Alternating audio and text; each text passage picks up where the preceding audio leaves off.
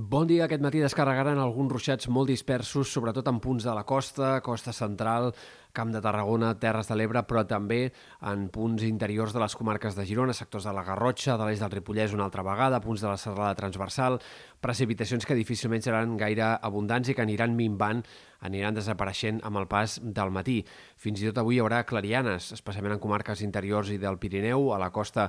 els núvols seran una mica més protagonistes, però no esperem un dia segurament amb un cel tan carregat de núvols com molts dels que hem anat tenint en aquest eh, mes de març. Al migdia l'ambient seguirà sent fred. Avui el llevant no bufarà amb tantes ganes com ahir. Eh, les ratxes seran menys intenses, però no acabarà de desaparèixer aquest vent de l'est i, per tant, la situació marítima continuarà molt alterada. Dia, per tant, hivernal també, tot i que ja hem començat la primavera. De cara als pròxims dies, a poc a poc la temperatura anirà recuperant-se, anirà pujant. No hi haurà una gran pujada dels termòmetres durant la segona part de la setmana, però sí que les màximes s'han d'enfilar un parell o tres de graus en molts indrets, potser el Pirineu fins i tot una mica més, i per tant l'ambient que a poc a poc ha d'anar sent més primaveral a mesura que avanci la setmana. Tot i així, cal tenir en compte que el vent de llevant no acabarà de desaparèixer els pròxims dies. Serà segurament una mica més agregalat de cara al tram central de la setmana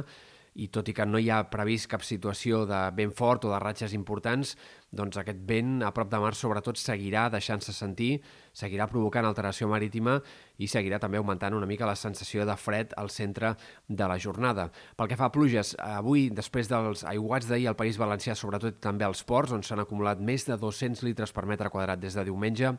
doncs avui esperem una jornada de ruixats més irregulars i menys abundants. En canvi, però, demà sí que les precipitacions tornaran a guanyar protagonisme, sobretot al País Valencià, però entre les últimes hores de dimecres i el matí de dijous, altre cop també plourà amb moltes ganes a les Terres de l'Ebre especialment als ports, però també podria ploure amb ruixats eh, doncs, puntualment abundants en altres sectors del Montsià, del Baix Ebre o de la Terra Alta. En canvi, la resta, aquestes precipitacions no hi arribaran i seguirem esperant un temps de cel mig ennublat més aviat. Fins i tot demà hi haurà força estones de sol en molts indrets, especialment al Pirineu, on el cel pot quedar fins i tot bastant serè,